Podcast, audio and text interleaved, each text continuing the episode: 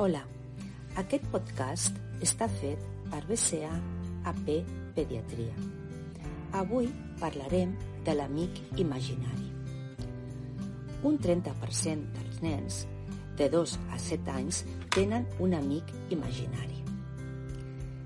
Aquesta és l'etapa de pensament màgic, quan els nens desenvolupen el joc simbòlic.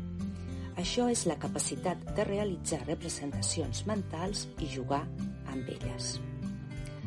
Aquest amic és un company inventat per la seva fantasia, que en realitat no existeix, i amb ell juga i parla. Pot ser una persona o un objecte, com un peluix, una joguina, on projecta una part de les seves experiències personals. Per ell és un company ideal, amb el qui no discuteix i se sent protegit.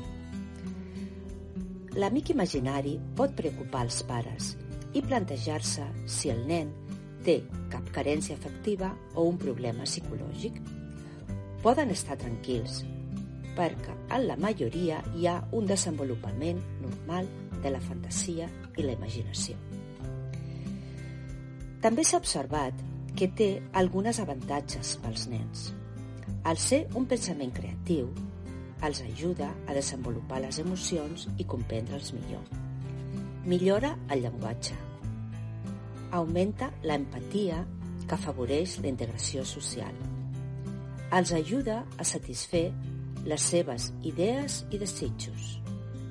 També els pot ajudar a superar certes pors i tenir més confiança en si mateixos. Els pares ho heu d'acceptar, amb tranquil·litat, sense prohibicions si veieu el nen feliç i no donar-li massa importància.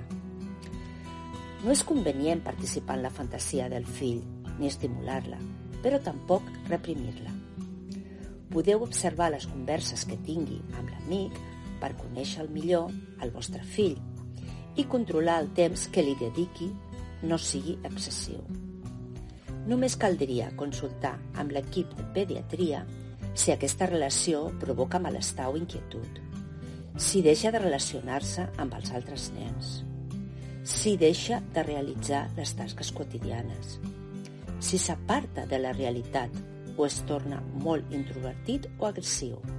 En general, els amics imaginaris enriqueixen la vida del nen i tenen un desenvolupament emocional saludable. Gràcies per escoltar-nos i molta salut.